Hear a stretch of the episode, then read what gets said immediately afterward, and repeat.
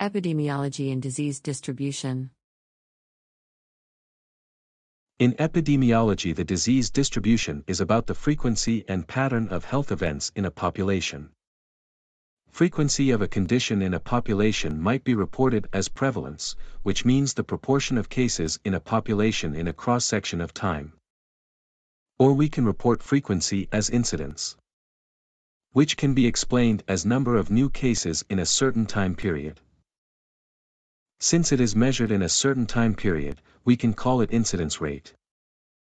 These frequencies allow epidemiologists to compare disease occurrence across different populations. Let's have some examples. Let's say you are measuring the temperature of 20 people on Monday and two of them have fever. Then the prevalence of fever among this sample is 10%. Then you follow them and check their temperature again on Friday and this time 4 people have fever.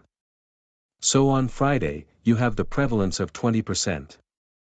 But as you see we have 3 new cases, and since on Monday 18 people were at risk of getting fever, the incidence rate of fever is 3 out of 18, or 16.7% in 2 days, or 8.3% per day.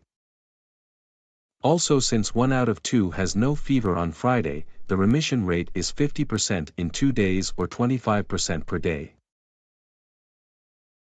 Thank you for watching.